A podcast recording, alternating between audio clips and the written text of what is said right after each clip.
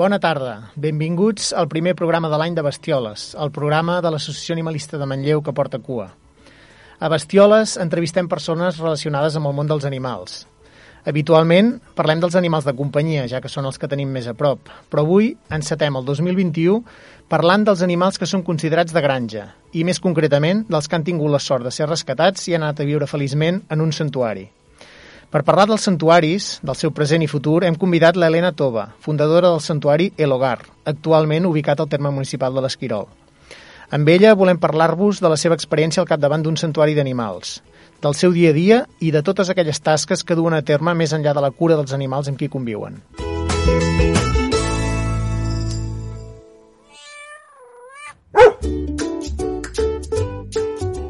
Hola, Helena, moltes gràcies per acceptar la nostra invitació.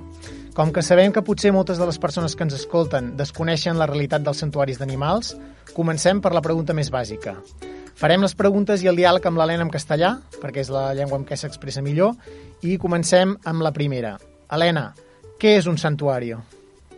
Hola, buenas tardes. En primer lugar, pediros disculpas a todas porque no hablo todavía catalán y es que al estar todo el día entre animales es complicado tener tiempo para hablar otros idiomas. Pero poco a poco voy aprendiendo. Perfecto, gracias. La próxima vez intentaré que sea en catalán, prometido.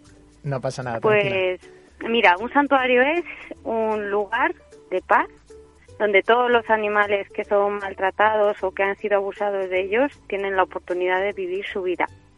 Luego dentro de cada santuario tiene sus variaciones. Nosotros en el hogar nos gusta acoger animales sobre todo que llaman de consumo, porque son animales, por ejemplo, una vaca, un cerdo, una oveja, que no pueden estar en una protectora convencional donde se guarda perros y gatos en cheniles o en sitios más pequeñitos. Requieren otras características de terreno para poder vivir bien y luego pues las administraciones todavía no han creado lugares así para acoger a estos animales y, por, por ejemplo, te lo encuentras herido en la carretera. Hasta ahora, hasta hace 12 años que, o casi 13 que empezamos nosotros con el primer santuario en España, si tú te encontrabas una oveja o te encontrabas cualquier otro animal denominado de granja, la única opción que tenían era ir al matadero, porque legalmente tampoco una persona lo puede tener en su finca privada. Entonces, digamos que los santuarios cubren ese espacio de ayuda social a animales que la sociedad humana ha puesto en este mundo también para un servicio y que por lo que sea no tienen a un responsable. Pues nosotros los eh, eh, rescatamos, los rehabilitamos y le damos un hogar para toda la vida. Y luego, muy importante, concienciamos a la sociedad de cómo son en realidad estos animales, que no se les ha tenido en cuenta hasta ahora. O sea, que también es un proyecto de educación y concienciación social. Has hablado de animales considerados de granja, ¿no? ¿Qué tipos de animales más o menos acogéis en un santuario? Hay animal, eh, perdón, hay santuarios que se especializan a lo mejor en animales silvestres, véase Mm, ciervos, eh, jabalís y tal. Hay otros que se especializan en animales de granja y tal. Nosotros en el hogar, pues la verdad, mm, no tenemos un prototipo. Tenemos el núcleo zoológico y el código REGA porque han llegado a nuestras manos animales de distinta mm, clasificación, podemos decir. Tenemos desde jabalís, ciervos, vacas, caballos, perros o gatos con enfermedades o con necesidades especiales. Es decir, yo siempre digo que el hogar es ese refugio de paz para los animales que no tienen otra oportunidad fuera. Tampoco elijo, pues, solo vacas o solo caballos. Nos vienen ciertos casos que yo no tengo corazón para decir que no y entonces al final acaba siendo como un arca de Noé con muchos animales distintos, pero todos ellos con el eh, con, con la característica común que no tenían a nadie que cuidara de ellos. Y Elena, ¿de dónde os llegan estos casos? De distintos sitios. Eh, fíjate que cuando comenzamos, al, al no saber que había santuarios, más bien algún conocido nos lo traía, algún adoptante de perro se encontraba un conejo en la basura y no lo traía, pero ahora ya, afortunadamente que ya la figura de santuario ya sí que aparece en todos los sitios, son los propios forestales o las mismas administraciones de ganadería o, mm, o voluntarias o socias o, o, incluso gente de a pie. Aquí en Vic, por ejemplo, el primer rescate que tuvimos, curioso, que no nos habíamos ni instalado, fue una chica que vivía por aquí, que se encontró una cerdita corriendo por la carretera muy magullada, que se ve que había caído del camión que la llevaba al matadero, era una bebé y, fue la primera eh, víctima que cogimos nosotros y, luego también ha venido otros de gente pues de, de, aquí al lado de Roda de Ter que se encontraron otro bebé cerdito en un río y gente que se metió al río, salvó al bebé, nos llamó y pudimos ayudarles. Eso fue precioso porque ha sido una cadena solidaria entre toda la gente de la comarca y al final han terminado estos animales salvados. Hablabas de forestales, por ejemplo, y de, agricultura y ramadería. ¿Cuál es la situación legal de los santuarios en, en Cataluña y en España? En principio, en España la figura como santuario no existe legalmente. Nos consideran como si fuéramos eh, una granja en extensivo, por ejemplo. Esto nos dificulta mucho el día a día, porque te piden, por ejemplo, unas instalaciones que tienes que tener bastante dinero para, para poder tenerlas y los santuarios al no recibir ayudas ni subvenciones y eso pues somos bastante humildes. Entonces cumplir con la con el tema de, los metros de construcción que nos piden y otras características nos cuesta muchísimo. Pero bueno, eh, poco a poco la verdad que como cada vez nos piden más ayuda y cada vez los santuarios son más estables y más reconocidos por todos los medios de comunicación incluso, pues yo confío en que poco a poco la ley nos tenga en cuenta y nos dé un poco un apoyo que es lo que necesitamos para hacer un mejor trabajo. Claro, supongo que es lo que decías, ¿no? Si las administraciones empiezan a, bueno, a necesitaros o a utilizaros, por decirlo así, supongo que al final tendrán que reconocer, ¿no? Que es una realidad necesaria y que y que hay que crear una figura legal para que pueda acogerse a todo este tipo de animales. Claro, eh, todo lo que está pasando es normal, ¿eh? Siempre que hay algo nuevo, pues luego cambia la ley, la ley cambia de espacio, o sea, es entendible. Mm, lo bueno es que ellos tienen que saber que nosotros estamos aquí para ayudar a los animales y para dar una alternativa ética a situaciones extremas que antes no tenían. Antes los forestales encontraban un ciervo herido y lo tenían que sacrificar. Pues oye, yo creo que a nadie le gusta hacer eso. Sin embargo, si ahora llamas por teléfono, ¿te lo puedo llevar? Y hay una fundación que se encarga y luego tú vas a poder ir a visitarlo y te vas a sentir súper orgulloso de decir, guau, qué bien, ¿no? Eh, esto yo creo que salvar vidas nos gusta a todos más que contratar a, alguien para que lo mate o más que tener que matarlo tú mismo. O sea, yo creo que esto va a ser positivo no solo para los animales, para la sociedad en general, para la evolución que tenemos que tener. Lo que pasa es que todos los comienzos son un poco complicados y al principio hay gente que no te entiende muy bien y, y tienen un concepto mm, distinto de los santuarios. Aquí, si, si me puedes playar un poco. ¿Y tanto? eh, nosotros nos hemos encontrado aquí que nos parecía gracioso al principio, luego ya nos ha pesado un poquito, la situación de que eh, los forestales, eh, ganadería, cuando vinieron a visitar el centro, venían con una cara como enfadados y todo, y nosotros pensando qué ha pasado aquí, si no hemos hecho nada.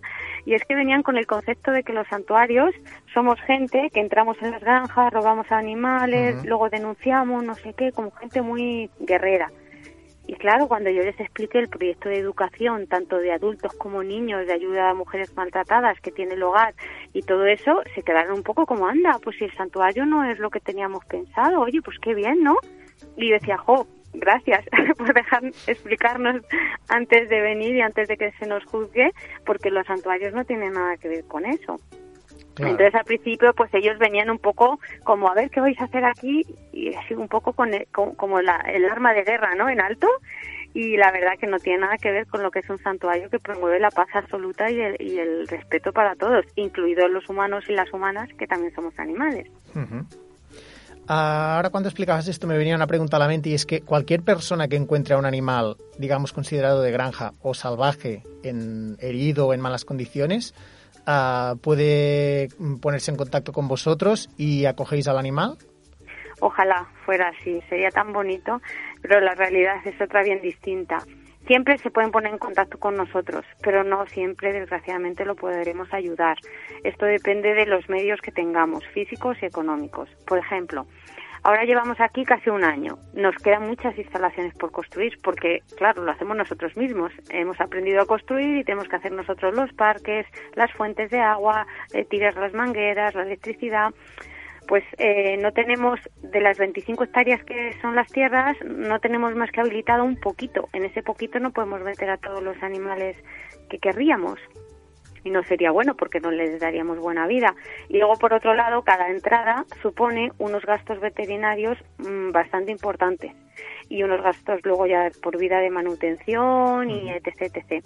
Entonces, tenemos que ser un poco coherentes a la hora de decir, bueno, a ver, entra un ciervo herido, ¿tenemos espacio de cuarentena? No, vaya, desgraciadamente no lo podemos acoger, pero sí podemos orientar a las personas cómo poder ayudar al animal, eso sí.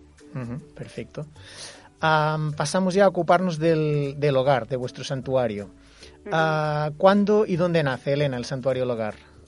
Pues mira, nacemos en Madrid hace ya 13 años, eh, precisamente para dar esta, em, esta ayuda a los animales que, que no tenían hasta ahora. Yo llevaba tiempo recogiendo perros y gatos, como muchos de los oyentes seguro, y tenía la casa, pues fíjate, veintitantos animales tenía.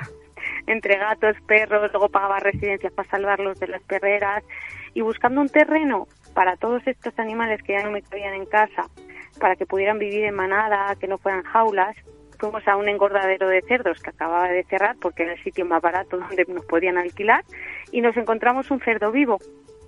Al conocer al cerdo y al ver que lo iban a matar, le rogamos al Señor que por favor que no lo matara, que no lo diera y sí, no lo dio. Imagínate un domingo de vuelta a casa en un piso en Madrid y yo con un cerdo.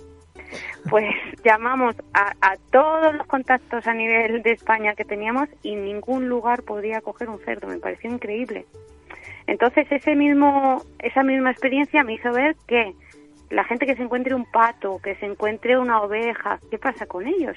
Y dije, oye, pues mira, si nosotros, el hogar, que entonces nos llamamos el hogar de Lucy, eh, sale para ayudar a los animales más desahuciados, que entonces eran perros en fase terminal que estaban en las perreras y la gente no los quería ver morir, entonces yo me los llevaba a casa, les atendían los veterinarios oportunos, a veces vivían, a veces no, pero eran esos los que nadie quería coger.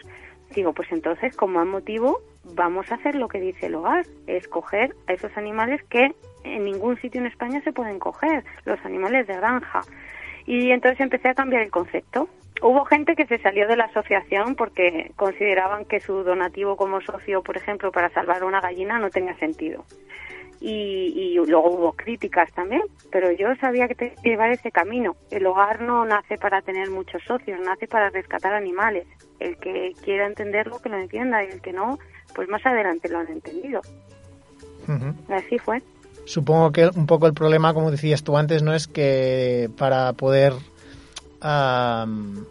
para poder dar lo que necesitan a todos estos animales, tanto de medicación como de comida, etcétera, etcétera, se necesitan socios en este, en este sentido, ¿no? O sea que supongo que las dos cosas son, son importantes. pero Elena, ¿cuántos habitantes hay ahora mismo en el santuario? En el santuario? ¿Cuántos y, y de qué especies? Mm, pues más o menos 200. Yo digo más o menos porque yo tampoco los cuento, es un poco en función de los enfermos que haya o con necesidades especiales que haya en el momento, que dejamos que entren más o no. Y un poco depende también, claro, de lo que nos dicen las normas de ganadería y tal.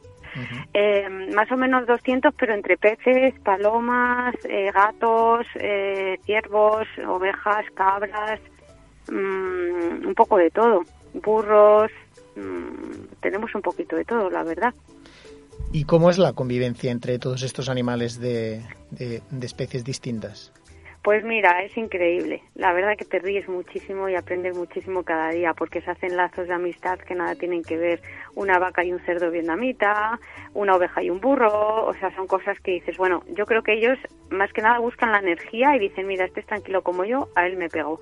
Y salen cosas muy bonitas. Tenemos un cerdo gigante que se llama River y que su mejor amigo, por ejemplo, es una gallina de Guinea. Y le sigue a todos los lados. Y es una pareja que la gente, bueno, se muere de ternura cuando los ve. Mm, yo creo que cualquier animal, casi cualquiera, si tiene sus necesidades cubiertas, comida, espacio, que es muy importante que no estén hacinados y, están esterilizados y tal, mm, pues todos suelen ser amigos. Nadie quiere hacerse una herida o luchar contra otro innecesariamente. Entonces, la verdad que, se llevan todos bastante bien. Aquí puedes ver una vaca de lidia, por ejemplo, entre cerditos o durmiendo con los jabalís. Es curioso, sí. ¿Y cómo se gestiona la entrada de un nuevo habitante? Es... Pues Sí, pues mira, imagínate, te pongo un ejemplo práctico. Alguien me llama por teléfono, veo a ver quién es, veo que es legal, eso sí, nosotros siempre pedimos que alguien documente el asunto con fotos, vídeos y que me haga un escrito como que me lo ha cedido, que se ha encontrado tal y le pido el DNI tal, para luego tenerlo en su ficha de entrada. Entonces, eh, si podemos, vamos nosotros a por ello, a por el animal, porque a veces se necesita un vehículo especial o unas eh, unas eh, capacidades especiales, a lo mejor de cómo cogerlo y todo eso. Lo llevamos, si podemos, directamente al veterinario que corresponda, que según la especie será uno u otro, si no lo quieren coger, porque a veces esa es otra, que hay hospitales que según qué animal no te lo quieren coger. Esa es una odisea que te encuentras muchas veces teniendo un animal herido en el coche. Pero bueno, pongamos que en positivo este rescate, le llevas al veterinario y al veterinario pues te diagnostica un poco el tratamiento que tiene que tener. Se mete en cuarentena, según el animal que sea, más grande o más pequeño, y ahí se recupera. Cuando se recupera ya viene la esterilización, vacunas, el chip, eh, todo, para que esté sano el animal. Y luego ya viene, digamos, la eh, incorporación al grupo o a la manada, pero de forma muy lenta y tranquila para que emocionalmente, bueno, pues a lo mejor una oveja nunca ha visto a otra oveja porque la han criado y, eso pasa y no la sabe reconocer ni sabe un poco contactar con ellas. Entonces tiene que haber una valla de por medio y unos encuentros que, que no dañen a nadie y tal. Y si hablamos de animales más grandes como caballos, pues lo mismo. Tienen que tener una cuarentena física y luego, como digo yo, otra psicológica. Tienes que ir acercándoselos poco a poco. O sea que un rescate puede suponer que no se integre en el resto de la manada meses, según como venga. Y es mucho tiempo, claro de, dedicación me refiero. Claro, porque a, raíz de esto, ¿quién, quién se encarga de, del cuidado de los animales, del día a día de los animales? Porque pues entiendo que hay los 200 habitantes y cuando hay un proceso así de incorporación de un habitante nuevo, hay que dedicarle pues más rato, más atención, más horas, etcétera, etcétera. ¿Cómo se hace todo esto, Elena? Pues mira, todas somos voluntarias, eh, casi ninguna hemos estudiado para esto. Yo, por ejemplo, soy diseñadora, nada que ver, pero bueno, eh, el amor por los animales y un poco la justicia me ha traído aquí. Y como yo, pues el resto de compañeros que han hecho filología inglesa, otros han hecho otra cosa, menos una auxiliar veterinaria que tenemos eh, y ahora que ha venido de voluntaria una veterinaria, que bien, pues las demás un poco vamos aprendiendo y nos vamos enseñando las unas a las otras. Y entonces hay algunas que se encargan de animales pequeños, otras de animales grandes, otras un poco de lo que es el hogar, limpieza, hacer la comida para humanas, es decir, dividimos un poco las tareas. Y luego, ¿quién lo hace? Pues mira, hay como dos tipos de voluntarias. Mm, lo que llamamos residentes, que son personas que vienen y se, viven, se tiran con nosotros así unos meses o incluso años. Y luego hay otras personas que son más voluntarias eventuales, que pueden venir 15 días que eso te puede venir del extranjero, de la otra parte de España, de aquí de Cataluña, o incluso gente que son ya amigas del hogar y te vienen el fin de semana cuando pueden, o entre diario, o vienen a pasar unos días. Estas personas, por ejemplo, hacen más tipo limpieza o jardinería o cosas así, porque el manejo con los animales es más bien los residentes. Vale. Y además de todo esto, creo que desde el hogar hacéis más cosas todavía, ¿no? Mm, ¿Puedes explicarme así brevemente qué más, qué, más tareas lleváis a cabo? Sí, pues mira, eh, sobre todo educación y concienciación. Educación tenemos un departamento infantil y un bloque infantil, porque entendemos que, que si queremos que el mundo funcione, pues eh, tenemos que enseñarles también muchas cosas que, que no se aprenden en el cole o en la universidad. Y es el estar con, con los animales directamente, todo lo que vemos nosotros, nos encanta extrapolarlo para que todos tengan esa oportunidad. Entonces tenemos el departamento de educación, que además hace material eh, didáctico antiespecista. Esto es material pues que eh, los niños pueden leer un cuento que en vez de, por ejemplo, Caperucita Roja, que el lobo se iba a comer a Caperucita, pues resulta que nosotros lo transformamos y el lobo era una magnífica persona que es el mejor amigo de Caperucita y Caperucita le salva del cazador, etc. etc. Pues así eh, nos gusta también un poco hacer recortables antiespecistas, cuentacuentos y todo eso para que los niños tengan otra opción de aprendizaje que no, que no sea mm, tan explotadora con los animales, ¿sabes? Que no los cosifique tanto, que los vea como iguales, como, como un igual pero de otra especie. Luego tenemos el departamento de concienciación, que vamos a universidades o, sitios así cuando nos llaman y damos charlas de lo que es un santuario, cómo son los animales. Luego hacemos eventos también, eh, documentales, nos encanta también de vez en cuando, cuando el tiempo no lo permite, los medios, hacer un documental, por ejemplo, la vida de un cerdo desde que se rescata hasta que está con nosotros, como es. Y, y también hemos hecho libros, hemos hecho cuentos, canciones, también nos gusta hacer canciones de los animales para que la gente pues oiga el mensaje de todas las formas positivas posible, ¿no? O sea que sí, hacemos un poquito de todo. Ah, ahora hablando has mencionado el término antiespecista más de una vez y era solo preguntarte a ver si puedes explicar un poco qué quiere decir eso, porque seguramente muchas de las personas que nos escuchan no están familiarizados o familiarizadas con este término. Claro, pues eh, el antiespecismo es la discriminación que se tiene de otros animales simplemente porque son de otra especie que no sea la humana o que no sea otra especie que los humanos han considerado como animales dignos de respeto. Dicho en palabras así más básicas, por ejemplo, tú puedes respetar mucho a los perros porque siempre te has criado con ellos y sabes que son sensibles, inteligentes, que son la caña. Pero nunca has visto un cerdo y no sabes que son tan sensibles, tan inteligentes o más que los perros. Entonces tú a lo mejor los discriminas a los cerdos porque te han dicho que son sucios, que muerden y que además, oye, están aquí para que los humanos se los coman. Mm, eso es el especismo, rechazar a algunos individuos por la especie. Igual que existe el machismo a las mujeres o, existe el racismo, la discriminación por la raza, pues, pues también existe esto con el resto de animales. Gracias, Elena. en cuanto al hogar, ¿cómo lo decías antes que no tenéis ayudas? ¿Cómo, cómo os financiáis? Pues la verdad es que malamente, malamente, como decís aquí. Eh, mira, tenemos una tienda online eh, donde hacemos merchandising, camisetas con, con nuestro logotipo, con dibujos de los animales y tal, cuentos, calendarios y todo eso para salir adelante. Luego con socios y padrinos que son fundamental porque ellos nos apoyan desde cualquier parte. Eh, ya puedes estar, yo que sé, en Valencia y si te gusta nuestro proyecto y te ha encantado que rescatemos un gato ciego, pues oye, si tú le amadrinas, son 12 euros al mes, que es un poco más que una comida o un menú y a nosotros nos sirve pues para que ese gatito ciego tenga todas las atenciones el resto de su vida. Y luego además les mandamos fotos, vídeos, dejamos que vengan a verlos personalmente se crea unos lazos súper bonitos entre los, las madrinas o padrinos y los animales.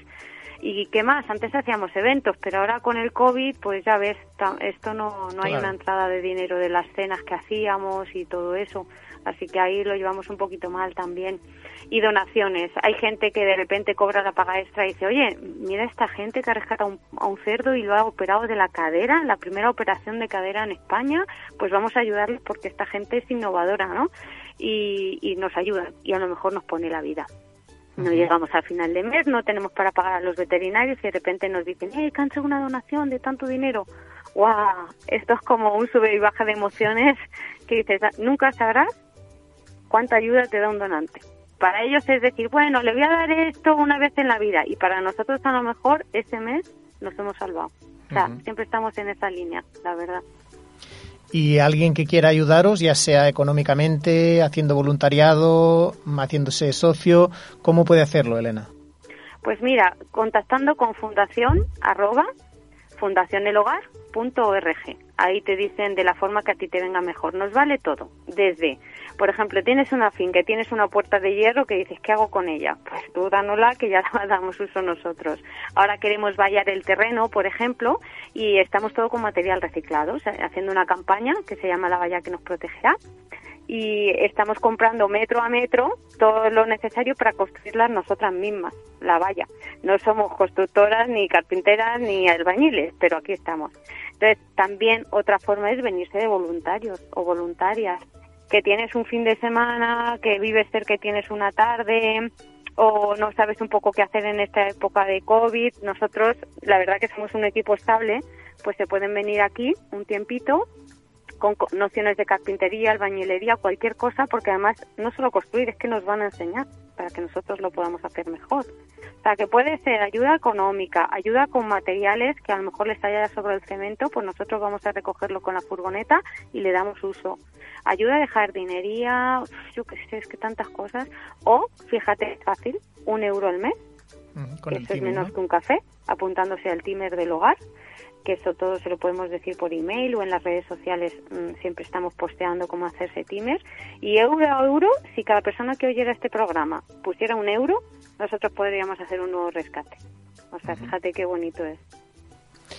Elena, ah, ya para acabar, porque estamos un poco justos de tiempo, ¿cómo valoras la llegada del santuario del hogar aquí a la comarca de Usona y qué, cuál crees que es el, el futuro, el futuro del santuario aquí en, en Usona, en Cataluña y, y el futuro en general de vuestro santuario? Pues también que va a ser es un espacio de reconocimiento. O sea, nosotros tenemos pensado cuando acabe el COVID abrir puertas. Incluso estábamos buscando en Vic que nos cedieran o buscar un espacio grande para hacer una exposición de fotos, una charla para invitar al pueblo, a los pueblos de alrededor, a la comarca entera, al alcalde, incluso ya les habíamos escrito, para que vieran cuál es nuestro trabajo, cuál es nuestra función y cómo podemos ayudarnos entre todas.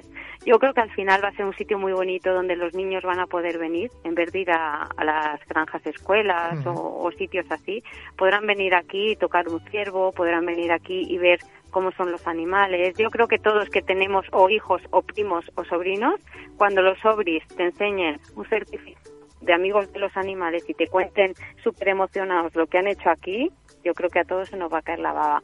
Y luego también que va a ser un alivio para las administraciones, es decir, mm, un animal herido, llamar a esta gente, que esta gente se las apaña solos yo creo que vamos a ser una herramienta muy bonita y muy necesaria en la comarca de Osona. Bueno, Elena, pues uh, nosotros desde aquí, desde el programa Bestiolas, esperamos también, esperamos lo mismo, la verdad, que, que podáis tener esta buena acogida aquí, que tengáis un futuro post-COVID mucho mejor del que, del que ahora estamos viviendo.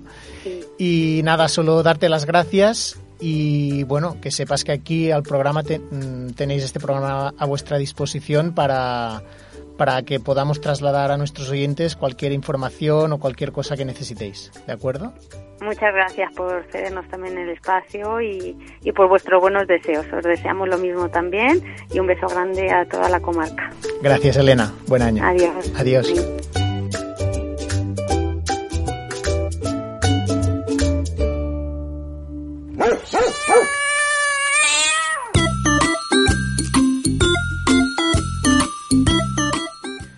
Com ja sabeu, l'Associació Animalista de Manlleu s'ocupa de la gestió de les colònies de gats del municipi i del refugi de gats. Per dur a terme aquestes tasques necessitem socis i sòcies que ens ajudin econòmicament. La quota de soci és de 15 euros l'any i també es poden fer donacions puntuals. Si alguna persona hi està interessada pot posar-se en contacte amb nosaltres a través de les nostres xarxes socials o al correu electrònic animalistesdemanlleu.gmail.com també busquem padrines i padrins pels gats del refugi, sobretot per aquells gats que per motius diversos no són adoptables i hauran de passar-hi tota la vida. Actualment al refugi hi ha una trentena de gats. Això vol dir molta feina. Canviar sorres, netejar, medicar, posar menjar i aigua, etc. Si alguna persona que ens està escoltant té ganes de dedicar una part del seu temps als animals, pot posar-se en contacte amb nosaltres i fer de voluntari al refugi. La vostra ajuda serà molt benvinguda.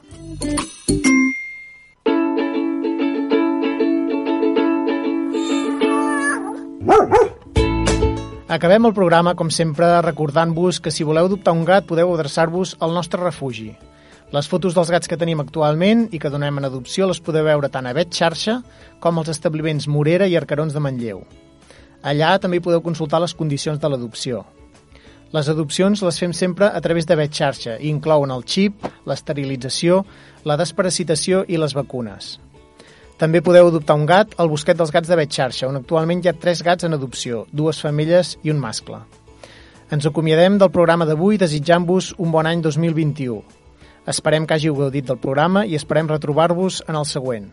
Moltes gràcies a totes i tots.